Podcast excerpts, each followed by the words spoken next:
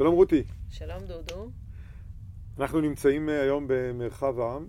בטח יש הרבה אנשים שלא יודעים איפה זה מרחב העם, אז אנחנו תכף... אה, נשמע נח... ממיכה ארז. נשמע ממיכה, שאותו אנחנו מראיינים היום. אה, אנחנו נמצאים באזור הר הנגב בסופו של דבר, לא רחוק ממדרשת בן גוריון. ואנחנו יושבים בבית של מיכה שצופה לאזור נחל חצץ, פחות או יותר. אה, ואנחנו רוצים לדבר איתו.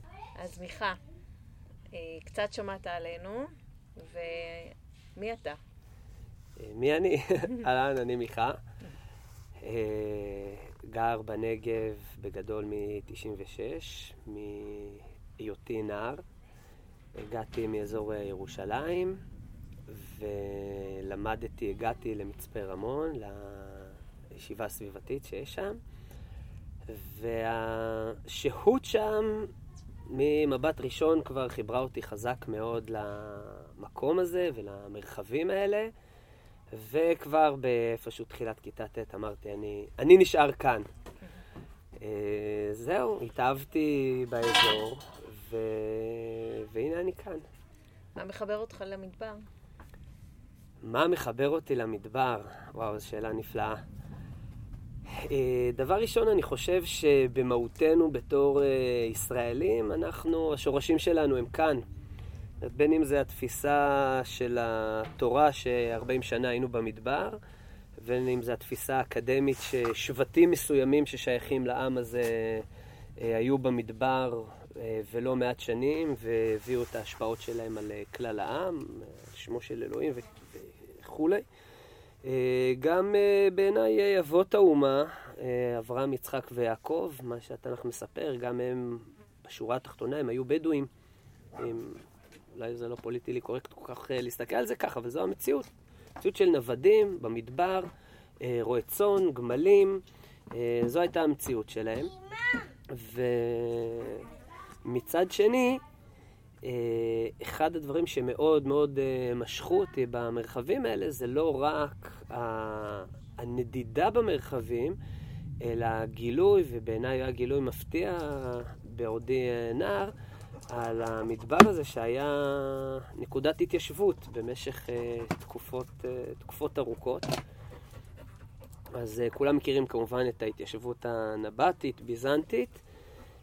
אותי מאוד משך חוץ מהעם שנדד, אז גם האבות נדדו, וחוץ מהאבות והעם שנדד, אז, אז הסיפור של ההתיישבות הוא ממש ממש אה, הדליק אותי. אה, גם ברמת אה, היישובים הביזנטיים והחקלאות הנבטית, וגם דווקא החוות הקטנות, המבודדות, אזור בורות לוץ, שזה ממש האזור שככה התחברתי אליו חזק, ואז היה שם גר אה, גם פקח, רן, והייתי מגיע אליו לפעמים. אתה מדבר על אה, שנים ממש... כן, כן, בשנות... בדיוק, 91, בדיוק. שלמדת. לא, גם אחרי 91, 92. אני הגעתי ב-96, והוא עוד היה, והצטרפתי אליו לא פעם ולא פעמיים לשחזור של טרסות, ולחפירה של הבורות, ולתעלות, ומאוד משך אותי הרעיון הזה ש, ש, שזה לא מדבר, או שזה מדבר, ואתה יכול אם אתה מכיר אותו, את, את הקרקע, את המסלע, את האקלים, יש פה, יש פה חיים במרחב הזה. ו... והבטחתי לעצמי, אמרתי לעצמי שיום יבוא וזה מה שאני אעשה. ואני חושב שהוא לאט לאט מגיע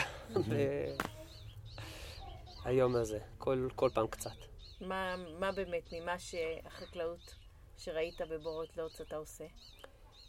אה, אז א', יש לי פה בור אה, מקומי שלי, אה, מהגורה קטנה, שהיא עוד בתהליכי התהוות. אסור להגיד את זה אולי בקול, כי זה לא חוקי במדינת ישראל לאסוף מי גשם, אבל לא מתבייש בזה.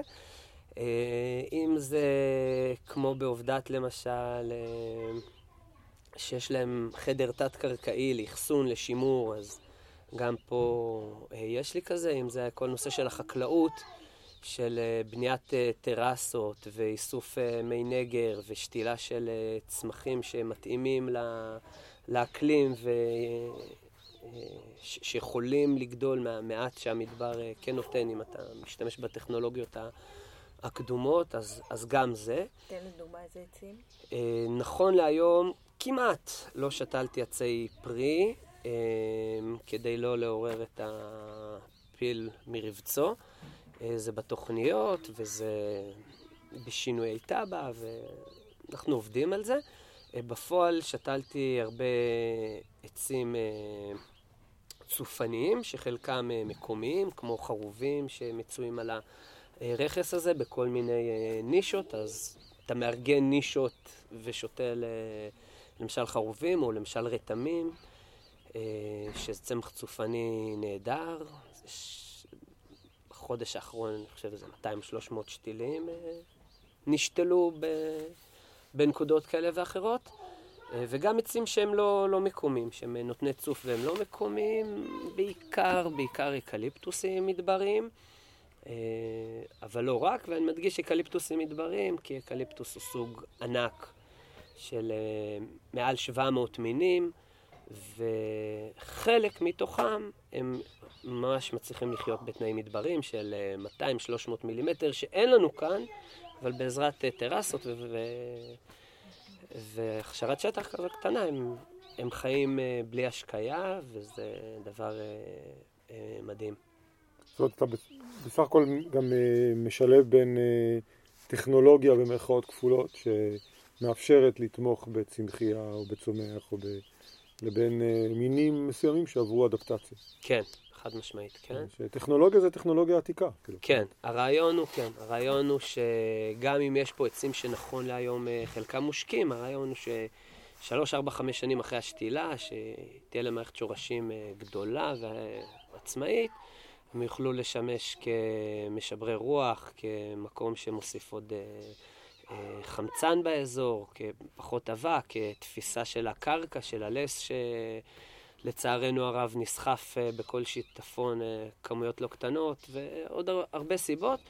כשיש לזה גם איזושהי השלכה משמעותית מבחינתי, שהבאתי כוורות של דבורים, דבורה היא בעל חיים שבעצם אף פעם לא גידלו אותו פה בצורה אה, מלאכותית, היא לא בעל חיים של מדבר. מצד שני, אפשר ליצור לה תנאים שיאפשרו לה לחיות כאן.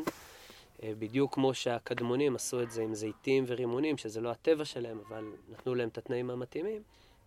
אז אותו רעיון, ואנחנו באמת אה, מוציאים... אה, מדבר מפנק אותנו, נותן לנו ככה הרבה דבש מאוד מאוד מיוחד. זאת אומרת, למרות שאתה חי במדבר, אתה גם מייצר דבש וגם אוגר מים. בעצם אתה מצליח לשחזר גם את הדרך שבה אולי הקדמונים חיו פה, כי לא היה להם את כל הטכנולוגיות שיש לנו היום, בטח לא רכבים ודרכים מהירות, אה, ובכל זאת הם שרדו וחיו פה הרבה שנים. אה, נכון, אני רק אגיד שזה לא כל המים שאני חי עליהם הם ממה שאני אוגר, ברור, ואני גם הולך. למכולת, ו... אבל כן, משתדל, אה, ו- וכל פעם, עוד פעם, זה קצת יותר, כל פעם אתה עושה, יש לך עוד פרויקט ועוד רעיון ועוד כיוון ש... שלשם אתה הולך. דיברנו קודם על, ה... על ההבדל בין מדרשת בן גוריון, שכל כך קרובה לפה, אבל נופים אחרים, אז פעם אמר לי חבר, במדרשת בן גוריון יש נוף יותר יפה, אבל שם אתה רואה את הנוף ופה אתה בתוך הנוף.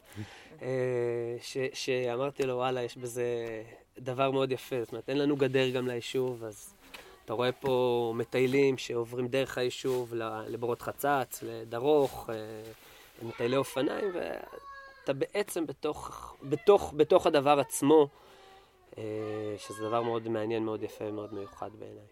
אה, ההסתכלות הזאת של, אה, דיברת על התקופה הביזנטית, או בית ראשון או בית שני, מלכות יהודה, איך, איך אתה חושב שהסתדרו אותם אלה שבאו לפה בתקופות שהטכנולוגיה לא אפשרה, ובכל זאת הם חיו, גידלו, ומה אתה לוקח מהם אם אתה יכול קצת יותר לפרט, אני רואה פה את הגן תבלינים המטורף שלך, ו...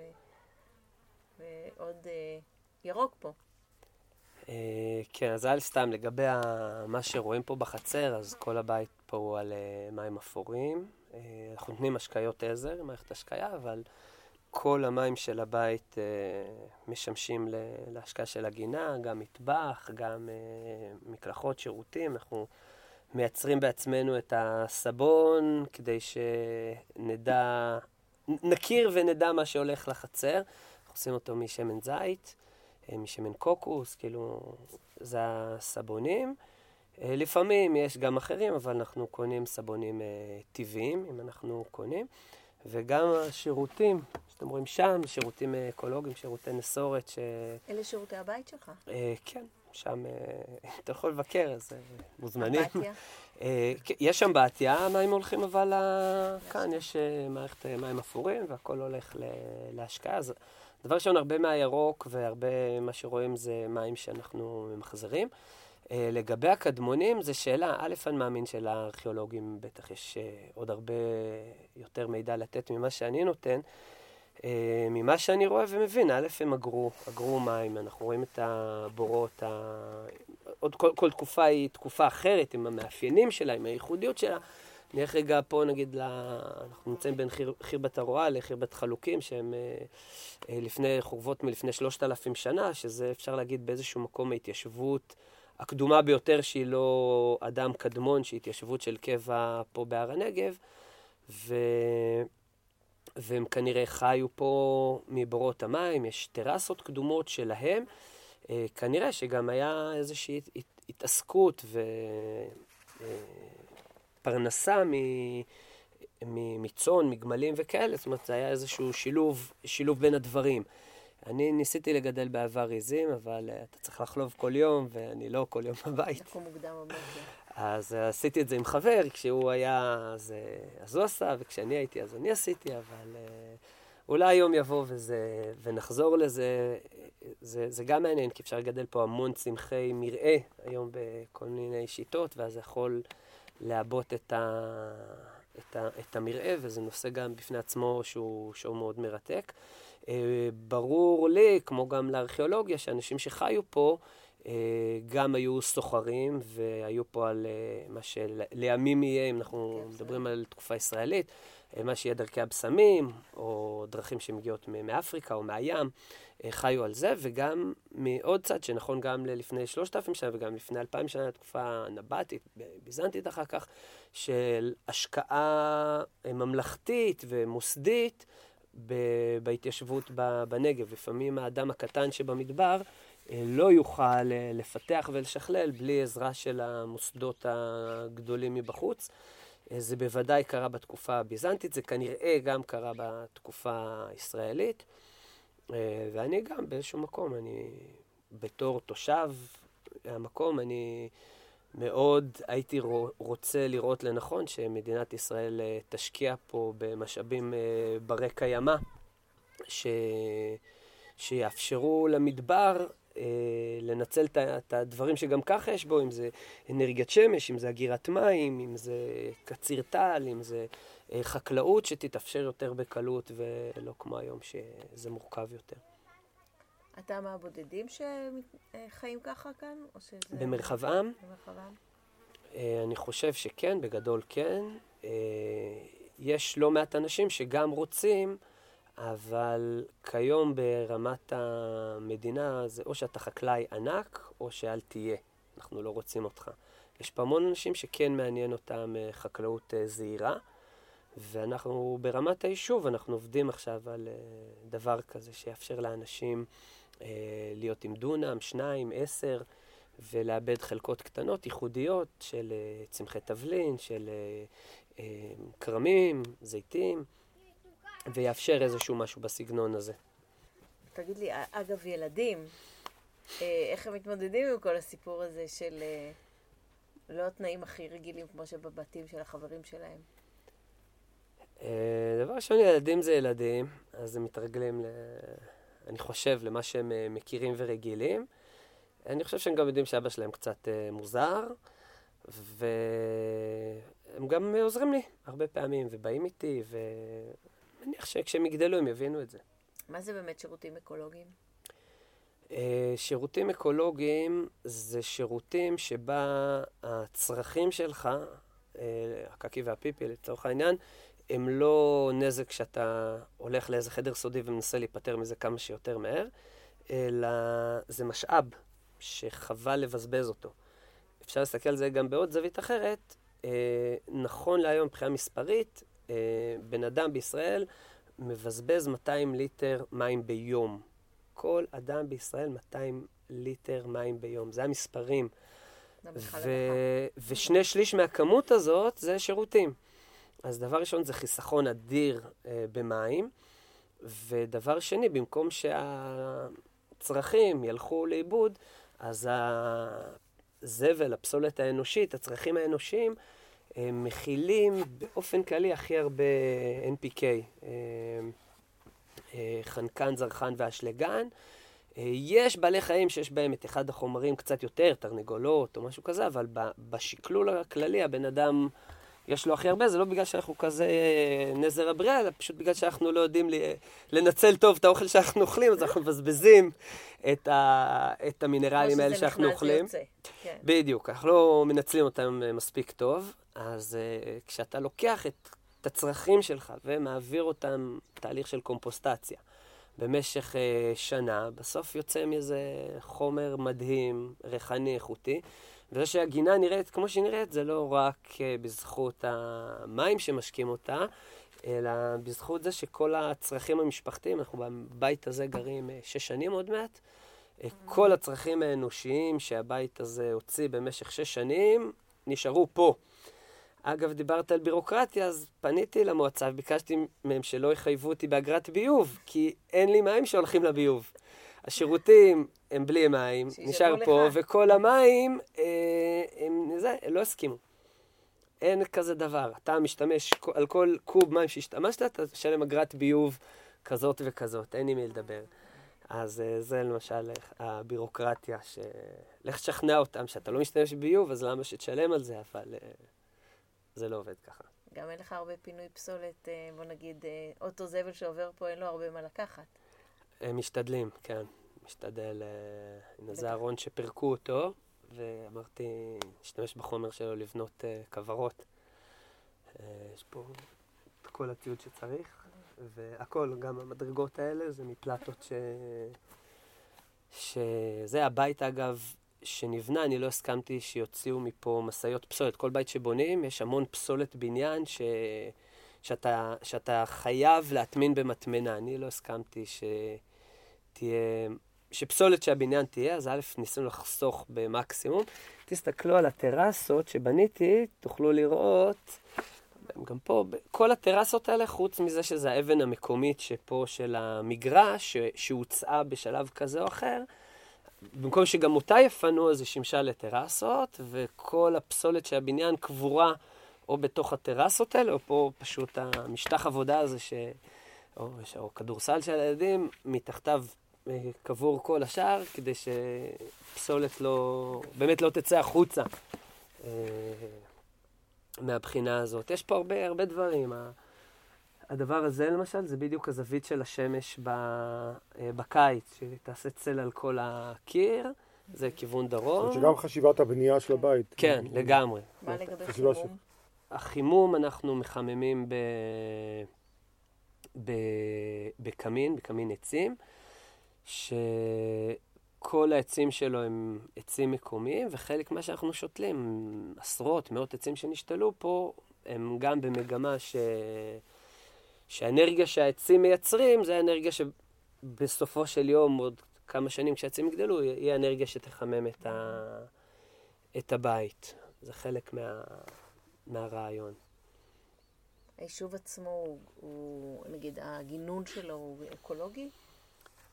שאתה מדבר על עשרות עצים שנשתלו. אה, לא, א', בוא נגיד ככה, דבר, התשובה לשאלה על הגינון שלו, הגינון הוא, היום הוא, הוא ברמת המועצה. אה, הייתה תקופה קצת שאני הייתי גנן פה, אז אה, ככה, בין אחד לשני, אז השתדלתי, המגמה שלי, ואמרתי את זה ליישוב, לגרום לזה שכל שביל... יהיה מוצל, שאנשים יוכלו ללכת בצל, זאת אומרת, אז גם נשתלו המון אה, עצים לצורך זה, לא תמיד זה אפשרי, אה, וגם ברחבי היישוב, מסביב. אה, יש רעיון כזה ומגמה כזאת. עוד פעם, אם זה בתוך היישוב, אז הם בתוך מערכות השקיה, אבל אם זה מחוץ ליישוב, אז מערכות השקיה טבעיות נקרא לזה, יאפשרו קציר אה, שיטפונות אה, פעם, פעמיים בשנה, שלוש פעמים שהוודיות פה זורמים, פחות או יותר, זה מה שיספיק להם בלי צורך במשאב חיצוני של מים. שיטת הלימנים ככה. קצת. אה, כן. בשונה מלימן שלרוב הוא פשוט עוצר את הזרימה ולא נותן חיים להמשך הוואדי, יש לו סוללות ענק, פה זה סוללות של, לא סוללות, זה טרסות של 10-15 סנטימטר שמאפשרים מעבר תמיד לטרסה הבאה ומאפשרים אה, חיים לאורך כל הוואדי ולא רק ב, ב, ב, בנקודה מסוימת. נשמע מדהים. אם, אם שומעים את התיאור שלך, ואני כזה לוקח איזה מין מבט אה, מבחוץ, ואני אומר, אתה בעצם חי ביישוב כמו מדרשת בן גוריון, זה לא משנה, כמו אחד היישובים פה באזור, והיוצאות דופן שלך, שאני רואה אותה, זה שאתה בעצם אה, מקיים אורח חיים שהרבה יותר קרוב למקום, בהמון המון היבטים של להבין את המקום, לנסות להשתמש בחומרים המקומיים, למחזר את מה שאתה צורך.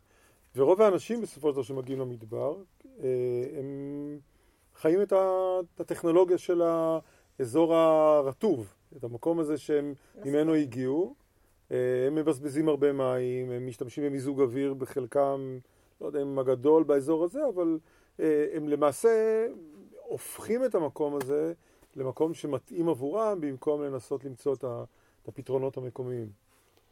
אה, נכון, אבל אני לא הייתי אולי מצייר את זה שחור לבן, אלא כולנו נמצאים אה, במרחב. כן, הייתי חושב שרצוי ונכון, וזה גם הרבה עניין של חינוך, וגם עוד פעם של משאבים ברמת המדינה, וש, ש, שיאפשרו דבר כזה, אה, לדאוג ש, שאנשים יכירו את הסביבה יותר טוב וירגישו אותה יותר, והם בעצמם ירצו אה, לעשות דבר כזה. הרבה פעמים זה נובע מחוסר מודעות. הרבה אנשים מגיעים למדבר כי יש אה, אנשים טובים, או כי יש אה, אוויר טוב. אה, מי שנכנס מהר לעניינים מבין את זה מהר, יש אנשים שאולי יגיעו לגיל 120 ולא יבינו את זה. אז... אה, אבל כולנו בסוף גם חיים את ה... איך מגשרים את הפער הזה, ואיך מגשרים את פער הידע הזה? כי זה בעצם פער, זה גם פער, פער של ידע ופער של נוחות והרגלים. אני חושב שהתשובה הייתה בשאלה. פער של ידע. ברגע שיש יותר ידע, ברגע שאנשים יותר מודעים למרחב שסביבם, אה, העסק הזה נראה אחרת. אה, אני כל שנה עושה פה סיור או שניים uh, במרחב, סיורי uh, בוטניקה כזה, ופריחה בעונה למשפחות. וזה מדהים לראות איך אנשים, וואו, איזה יופי, יש לי כאלה דברים ליד הבית ולא ידעתי. אז את הנרקיסים של נחל חצץ, שאגב כבר פורחים, הייתי שם שלשום, אז... אז כולם אה, הרבה מכירים. ואגב, הנרקיסים זה בדיוק אותה דוגמה. נרקיס הוא מלך הביצה, הוא מכיר את הביצות, אבל וואלה, איך הוא מצא את הנקודה המדברית הזאת לחיות בה, באופן טבעי, על ידי ניצול של המסלע ושל המשאבים הקיימים. ניתן אולי עוד דוגמה ביחס לאנשי היישוב. אה, נמצאים לידינו המון בורות אה, נבטים עתיקים, המפורסמים שהם בהם זה בורות חצץ, אבל על כל שלוחה כזאת, על כל אחת, מפה לירוחם, יש כאלה בורות, חלקם הרוסים לגמרי, חלקם בכל מיני מצבי ביניים. אחד הבורות שהוא בתוך שטח היישוב, אה, חבר'ה של היישוב, אה, נוער של היישוב התחיל לשפץ, והפסיקו אחרי יומיים ושלושה, כי ההורים שמעו שזה בור שהוא בעצם שייך לרשות העתיקות, אז המעשה הוא לא חוקי, אז זה לא בסדר לשפץ בור, וה... והילדים נאלצו להפסיק באמצע דבר בעיניי מדהים ומיוחד, שגם בשקט בשקט. היו מטייחים אותו עם אה, לא סיד מקומי, אלא עם משהו מבחוץ. בעיניי זה בסוף לא נורא, כי עצם זה שאתה מוציא אנשים לבחוץ ומראה להם שאפשר לאגור פה מים, הרעיון הוא יפה, ובור אחד מתוך מאות יאללה, לך על זה. אבל רשות העתיקות לא מאפשרת לשפץ בורות עתיקים, ו... וכך אנחנו גם מפסידים את, את זה. אבל השנה, אחרי השיטפונות הראשונים שהיו ב... בסוכות, פתאום המעט עבודה שלהם, היומיים עבודה שהם עשו, של להוציא את הסחף מהבור, פתאום יש מים בעומק של מטר, מטר וחצי, שזה בערך מה שהם הספיקו לעבוד בזמן הזה, הם היו באורות, וואו, איזה מדהים, זה עשה להם ממש חשק להמשיך. אבל עוד פעם, יש פה גם הרבה בירוקרטיה ש... מקשה עלינו את, ה, את החיבור הזה למרחב. אה, ש, שאם היה אפשרות יותר לפתוח אותה, לפחות בנקודות מסוימות, זה בוודאי היה הנה, יש לך פותח עוד עכשיו דברים. הזדמנות. יש כאן פודקאסט. יש לך הזדמנות שישמעו יותר אנשים את המסר שאתה רוצה להעביר. אה, בבקשה. אז מה, מה, מה הייתי אומר? דבר ראשון, אני חושב אה, ברמת משרד החקלאות, שלפחות באתרים סמוכי יישובים או סמוכי שמורות, אה, או אפילו אולי בתוך אה, שמורה, אה, לאפשר איזושהי חקלאות עתיקה, מקומית.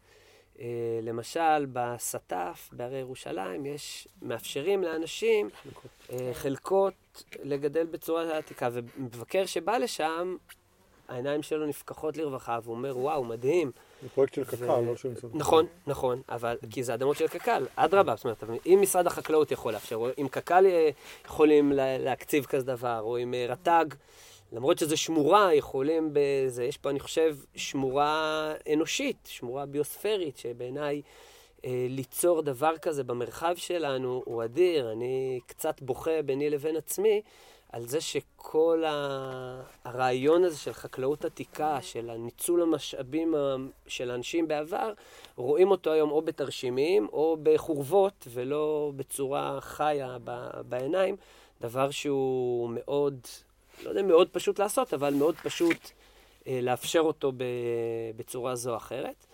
אה, אז זה ברמת החקלאות וברמת הדברים שנלווים לזה, אה, אם זה בורות מים, אם זה הטולילת אל ענב, כאילו לתת לאנשים אפשרות ליהנות מהסביבה ולגעת בה, ולתת לסביבה לגעת באנשים במקביל, ולא בוא אה, עכשיו איתם למכתש רמון, אבל אל תרד מהשביל ואל תריח את הקטלה או את הלענה, אה, ו... וכולי וכולי, ו... על על ועל, בעיקר מה לא. ואני חושב ש, שצריך לאפשר גם לאנשים מקומיים וגם לאנשים הלא מקומיים את, ה, את האופציה הזאת של, אה, של להרגיש את החיים של המדבר, שהיו פה לאורך מאות שנים, ולצערי היום אה, לא קיימים. יש ניתוק בין החיים הציוויליזציוניים לבין המדבר, ועוד פעם, הרבה ברמת הבירוקרטיה. זה מזכיר לי את, ה... את החוות של אבן ארי. לגמרי, לגמרי, אם לגמרי. היה תקדים כזה, אז יכול להיות שכן, שיש לך מקום לבוא ולדחוף של... לגמרי. אני מקום. כמה וכמה פעמים פניתי לאוניברסיטה העברית, וביקשתי מהם לאפשר לי לעשות סיורים לאנשים במקום הזה, שאנשים יראו, אין, זה לא עובד היום, זה לא פועל היום, אבל שיוכלו לראות את המקום, שאפשר לדבר על זה מקרוב, ולראות שקד ולראות זית, שזה בערך מה ששרד שם, ו, ושאנשים יוכלו להגיד וואו, ופעם, פעמיים, אחרי שלוש פעמים התייאשתי, לא, שטח מחקרי, שטח שלנו, אל תיכנס, על זה, על זה. אז uh, יכול להיות שאם מישהו מהאוניברסיטה העברית ישמע את זה, הוא, הוא כן יאפשר, אני לא יודע, יש פוטנציאל. אבל, אה, אבל, אבל זה משהו אחד, וזה משהו שהוא ברמה המחקרית. אני הייתי מאוד שמח שהיה בא תייר לאזור הזה ואומר, אני רוצה לראות איך חיו הקדמונים, ולא לא רק בהיסטוריה, אלא איך זה קורה עכשיו. ואני חושב שיש לנו, למרחב שלנו יש פוטנציאל אדיר. איך מתחבר הזאת. באמת, אה, כשאתה מדבר על מי שגר כאן, אה, הנושא של הבדואים, למשל ואדי אריכה, שהוא סוג של כפר אקולוגי, אה, למה שם יכול להיות שזה יותר קרוב למה שאתה מדמיין, או לא? לא יודעת, אני שואלת. א', אני חושב שזה מבורך השילוב של, של יהודים, של בדואים. אה, ואדי אריכה זה בדואים שהם כבר לא נודדים. וגם היישוב שלהם, עוד פעם, אנחנו מדברים על בירוקרטיה, הוא יישוב לא חוקי. זאת אומרת, אנחנו בעצם עושים דברים שהם לכאורה לא בסדר. אם אין ילדים טובים, זה לא היה קורה. כנראה שצריך להיות קצת ילדים לא טובים כדי שדברים יתחילו לנוע, כי ואדי אריכה לא היה הופך להיות כפר תיירותי אם לא היו דוחפים את העניין, ובעיניי בהחלט צריך כאילו להרבות יוזמות כאלה, כמו, כמו ואדי אריכה, ולא רק ברמת הצמר והצאן והנדידה, אלא גם ברמת החקלאות. בעיניי זה אחד הנושאים המרתקים שה- שהאזור שלנו יתברך בהם, וצריך אה, בעיניי, שוב, להחזיר אותם. טוב. מרתק. אז אה, תודה רבה לך, מיכה. בכיף, בשמחה. אה, אז שמענו עוד תוכנית של דעת מדבר, כל הפודקאסטים שלי נמצאים באתר מדבר.org ואתם מוזמנים לעקוב אחרינו. תודה רותי. תודה דודו, תודה מיכל. כיף, בשמחה.